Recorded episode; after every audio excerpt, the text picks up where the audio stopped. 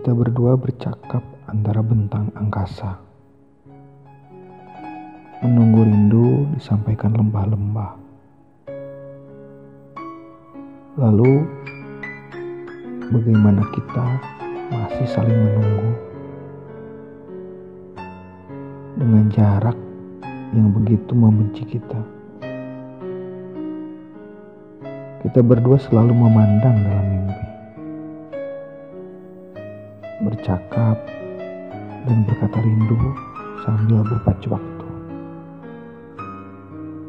Obatilah rindu kita selagi bersama, meskipun hanya dalam mimpi. Seberapa kuat lagi perasaan kita bertahan? diuji oleh jahatnya dunia. Karena banyak cinta dan harapan hancur oleh jarak, waktu, dan rindu.